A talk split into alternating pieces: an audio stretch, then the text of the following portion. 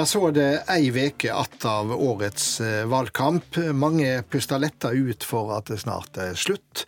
Andre av oss skulle gjerne sett mer av denne demokratiske øvelsen som en valgkamp er. Årets utgave har vært spesiell, med ei nesten-regjeringskrise midt i valgkampen og et nytt bompengeparti som en X-faktor eh, i dette valget. Uansett er det ei glede å ønske velkommen i studio to kvinner som vet mer om valgkampens glede og sorger enn de aller fleste, men som kan nå se den mer utafra. Anne Enger, Senterpartileder og nei-dronning i 94, og nå fremdeles aktiv med styreverv både i den ene og den andre av viktige norske kulturinstitusjoner, og Valgerd Svarte Haugland, KrF-leder og statsråd, nå fylkesmann i Oslo og Viken, heter det vel. Hjertelig velkommen begge to. Tusen takk. Eh, Anne Enger, Anne Enger, hva tror du vil bli huksa fra årets valgkamp? Ja, det er jo et godt spørsmål. Jeg har ikke tenkt på det. Men jeg tror kanskje at dette med bompengesaken og den nestenkrisa som faktisk eh, ble en realitet, det er, jo, det er surrealistisk egentlig, når man tenker på hvor strengt sånt var før i tida. Eh, I hvert fall i min tid, da. Så var vi jo, og vi hadde jo mye sammen, eh, Valgjerd, så, mm. så var det jo det var ikke mulig for et parti i regjering å, å, på en måte gå ut mot sine på den måten som ble gjort nå. Så det er en ny form for parlamentarisme og en spennende form for eh, valgkamp. Er det det du også tror eh, vil bli huksa? Ja, uten tvil. Og det, tenk tilbake, det er et halvt år siden de var helt enige på Granavolden. Og så øh, får vi et bompengeparti som skaper blest, og så skal en forandre politikken. Eh, ikke så veldig mye, kanskje. Jeg har ikke gått i detaljer inn i avtalen. Men iallfall forandra. Men du skaper veldig mye støy.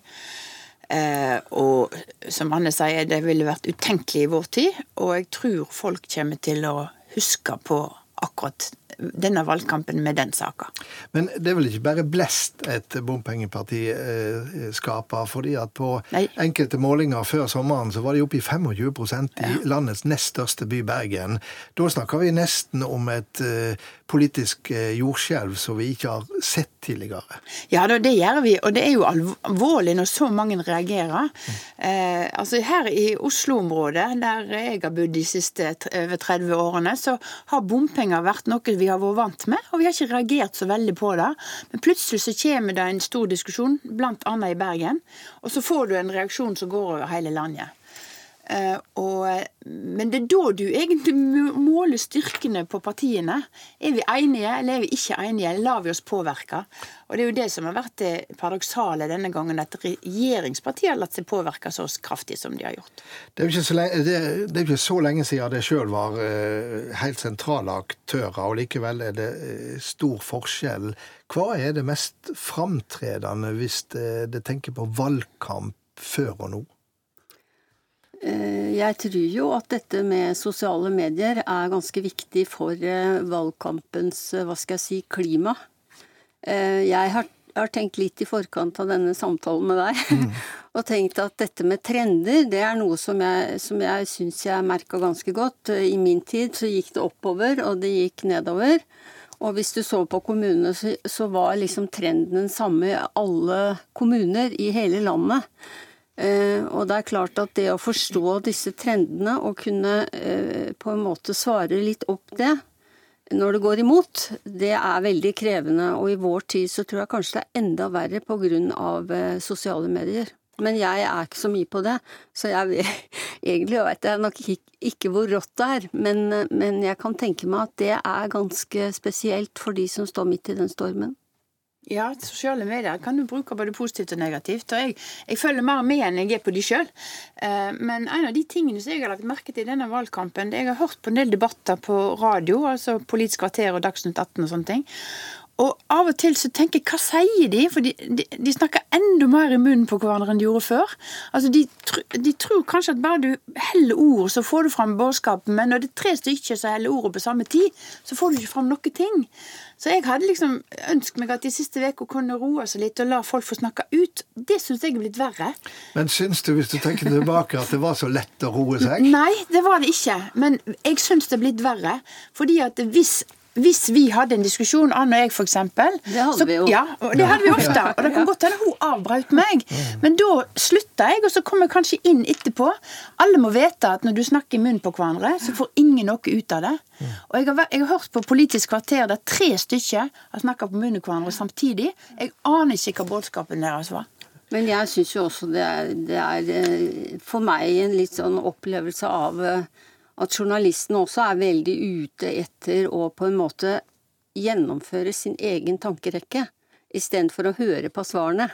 Så én ting er at du ikke at de ikke Jeg er enig med Valgjerd, de snakker mye i munnen på hverandre. Det tror jeg vi gjorde òg, Valgjerd. Men, men at, eh, liksom, at de som skal styre ordet, også er veldig opptatt av hva de sjøl har tenkt ut er på en måte svaret.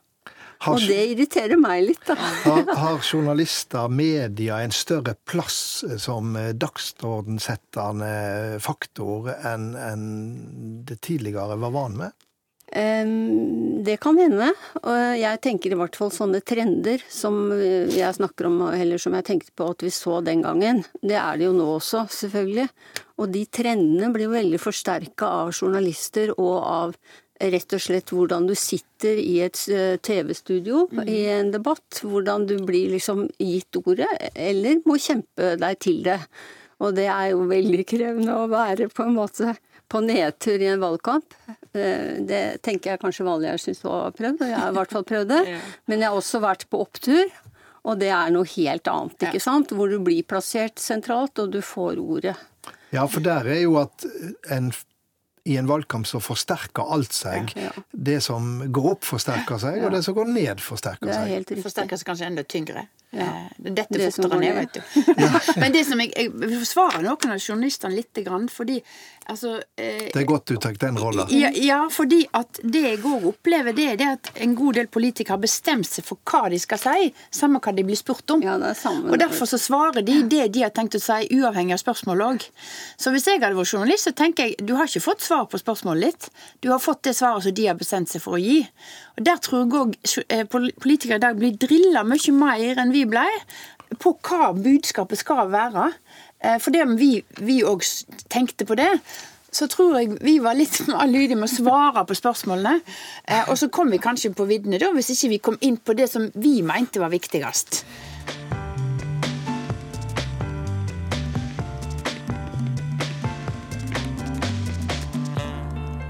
Anne Enger, du var eh, Senterpartileder i 1993. Da gjorde Senterpartiet sitt beste valg noensinne, i hvert fall til dags dato, eh, med 16,7% var det det? Bernt Årdal mener jeg vi kan runde det opp til 16,8. Ja, gjerne det. Men nå ser du i hvert fall et Senterparti som igjen eh, går mot slike høgder. Og det er denne sentrum-periferi-aksen ja. som blir tillagt eh, jeg å si æra eller skylda for det. Var det den samme mekanismen som slo inn i dette før EU-valet i, i 94, altså det valet som var året før? Ja, jeg mener jo at en ikke kan forstå hva som skjer i norsk politikk hvis en ikke er opptatt av motkulturene og nettopp denne konfliktlinja mellom sentrum og periferi. Ellers så syns jeg jo, hvis jeg skal få si noe som er litt politisk, ettersom jeg ikke er fylkesmann lenger, jeg syns jo egentlig at det skjer veldig mye på sentraliseringssida som gjør Jeg forstår godt at Senterpartiet gjør det godt nå, altså. For det skjer endringer som etter min mening er irreversible og som man, eh, man må faktisk kjempe imot, og som selvfølgelig har en bred appell eh, også i byene. For det er jo slik at press i byene også er en del av sentraliseringskreftene som nå er satt eh, så sterkt inn på veldig mange områder. Så mekanismene som, som gjorde eh, deg til den store valgvinneren eh, på, tidlig på 90-tallet, og, og, og, og, som nå skaper framgang for Senterpartiet, det, det, det kjenner du att? Jeg kjenner det igjen, eh, og det er jo fordi eh, alle vil jo si at det var EU-saken i 1993. Men i EU-saken, det var jo også for oss et spørsmål om samfunnssyn og hva slags samfunn du vil ha, og selvfølgelig forholdet mellom sentrum og periferi i den sammenhengen. Og demokrati, eh, solidaritet og miljø var jo det som vi egentlig brukte som hovedargumenter i EU-saken, og det er jo det samme på mange måter. I 1997 så leier du, Valgerd Svarstad Haugland, KrF til historisk høy oppslutning med 13,7% Det går ikke så bra med partiet ditt nå? Nei. Um, hvis jeg skal legge til noe av det som Anne sier, så tror jeg en tilleggsgrunn for både Senterpartiet som sier uh, eller sine gode dager nå, og uh, på 90-tallet også, det er at Norge er en, eh, et folk som har det veldig godt. Og vi blir lei politikerne våre. Og etter mange år med Arbeiderpartiet, så var de i 97 ganske lei Arbeiderpartiet. Folk. De vil ha noe nytt. Eh, og vi hadde en god prosess som gjorde at vi fikk fram et budskap som, eh, som slo an. Det var kontantstøtte? Blant annet, ja. Det var det. Og, eh, og, og så litt av den samme trenden som, som Anne peker på. For, for, for, Senterpartiet ble stort, men de kom ikke i regjeringa likevel eh, den gangen. Mens det gjorde en jo neste omgang. Og, så det var Arbeiderpartiet som styrte. Og nå tror jeg òg at folk er litt lei eh, den regjeringa. Altså, du, du, blir lei de etter mange år, og da vil du ha noe nytt. Men det er vel ikke det som forklarer Kristelig Folkepartis eh, Jeg tenkte jeg skulle unngå å svare på det spørsmålet. Nei, jeg ser de sliter. Mm. Eh, jeg, eh, jeg, skal ikke ha noen politisk analyse av det, for det vil være helt feil av meg som fylkesmann å gi. Men ganske interessant om du hadde gjort det. Ja, jeg veit det. Jeg, jeg, det. Eller det tror jeg kanskje det hadde vært, men poenget er at eh, jeg tror de blir med, i og med at de sitter i regjering, så, så blir de òg med i noe av det som sier at nå vil vi ha noe nytt. Og de to partiene som er minst i regjering, de blir en del òg av de to store. Og de vil ha noe nytt, mange av velgerne. Og eh, grunnen som Anna peker på, det den politiske analysen. Jeg skal ikke si noe om den. Mm. Men, eh, men eh, det, det, skjer mellom nå, nå og da med valgene i Norge, og det skjer nå i år, tror jeg. Ja, altså jeg vil bare legge til at det er klart dette handler jo om politikk.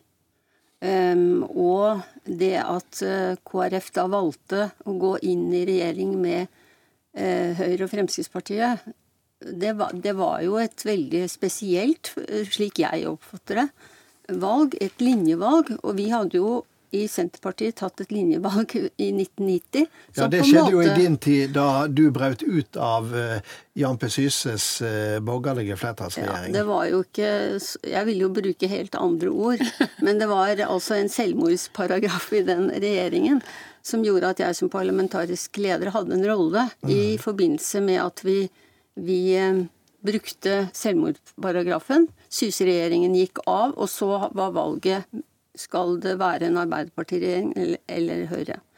Og da valgte vi Arbeiderpartiet i 1990, og det var jo et linjeskifte som jeg mener var rett for Senterpartiet, og som jeg fortsatt ser at de baserer seg på. Og det syns jeg er ganske viktig som en del Og det var jo ikke fordi vi ikke likte Syse og, og sånn, men det var jo rett og slett fordi politiske kreftene er sånn at hvis du slår deg sammen med, med kapitalistene, holdt jeg på å si, eller høyrekreftene, så kan du ikke greie å desentralisere. Du kan ikke greie å ta vare på de minste enhetene, og du kan på en måte ikke drive Senterpartipolitikk, sånn som jeg oppfatta det da og nå. Dette får skrive på kontoen for appell fra, fra en tidligere partileder. Men Tilbake til det som skjer i en valgkamp. Eh, noe er planlagt, noen går etter eh, planen. Og så kommer det sånne overraskelser som en partileder eh, overhodet ikke kan være Eller kan ønske seg. Eksempel når Arbeiderpartiets leder Jonas Gahr Støre får ei, ei fondsplassering mm. eh, stilt opp mot eh, sin egen eh, politikk. Slikt må da være marerittet, Valgerd mm. Svarstad Haugland, for en partileder midt i en valgkamp? Ja, å få noe utenfra som, som ikke hører til valgkampen, er alltid ubehagelig. Og jeg må jo si det at ja, Støre han er en velholden mann, og han har plassert pengene sine, og han ikke, har ikke hatt full oversikt, og han rydder opp. Eh, og andre av oss har hatt andre saker som forstyrrer oss totalt i valgkamper. Jeg har hatt en sommer og en valgkamp som jeg ikke fikk sagt et eneste politisk ord, fordi at det var andre ting som var i, i media om både meg og partiet. Og det er totalt ødeleggende. Jeg håper ikke at uh, valgkampen i, i, år skal bli ødelagt av dette her, for jeg syns det er ganske kynisk òg. Jeg syns det er kynisk å komme med det midt i en valgkamp, uavhengig av hvem det gjelder og hvilket parti det, det skulle ramme. Så synes jeg dette er kynisk. Og det handler faktisk ikke om det kommune- og fylkestingsvalget som vi skal ha eh, om ei uke. Det handler om helt andre ting. Ja, Fra det kyniske til noe annet, kanskje. Hva er ditt beste valgkampminne, Anne Enger? ja, nå hadde jeg tenkt å si at det er jo energi på avveie hvis du får sånne saker slengt på bordet. Jeg husker jeg fikk en kylling en gang, for det var kylling i produksjonen. Eh, krevende. Eh, nei, mitt beste valgkampminne eh, ja, det var altså så mange ting å glede seg over. Spesielt selvfølgelig i EU, uh, i EU-kampen, for da skapte vi en allianse som gikk langt utover partiet, så det var masse, masse folk. Men jeg husker én gang, og det var i valgkampen før valget i 91. Da gikk det Da hadde man bestemt seg Alle hadde bestemt seg, det kom til å gå veldig bra. og jeg husker at jeg eh, hadde vel vært i Innlandet, og så skulle jeg til Jevnaker på, på torvet der. Og så hadde jeg fått beskjed om at NRK Dagsrevyen skulle komme dit. Og når jeg kom til torvet i Jevnaker Jeg mener, det kan hende jeg husker litt feil. Erindringsforskyvning, som Willoch sier. Men det er et veldig stort uh, torg. og jeg kom der og var jo i godt humør, for det gikk jo så fint. Og da var det helt tomt. og så kom, eh, så kom, Dagsrevyen. Og så heldigvis så kom det et besteforeldrepar med en eh, barnevogn og en liten unge som satt i barnevogna med is. Og så kjørte det liksom mot meg. Jeg gikk mot den ungen, og han løfta isen opp mot meg. Og, og så var det det som ble valgkampinnslag på Dagsrevyen fra Senterpartiet. Og det er for meg også et eksempel på at når, når, det går bra, så blir alt det du tar i gull. Og når det ikke går bra, så er det det motsatte, som det står i folkeeventyrene. Og tenk deg, eh, han som satt i barnevogna med isen, han, han skal er... nå stemme i, i år, vet du. Ja, det er 30 år siden. Det. Så, så kan, kanskje det var en framtidig Senterparti-velger. Tusen takk, eh, Anne Enger og Valja Svarstad Haugland.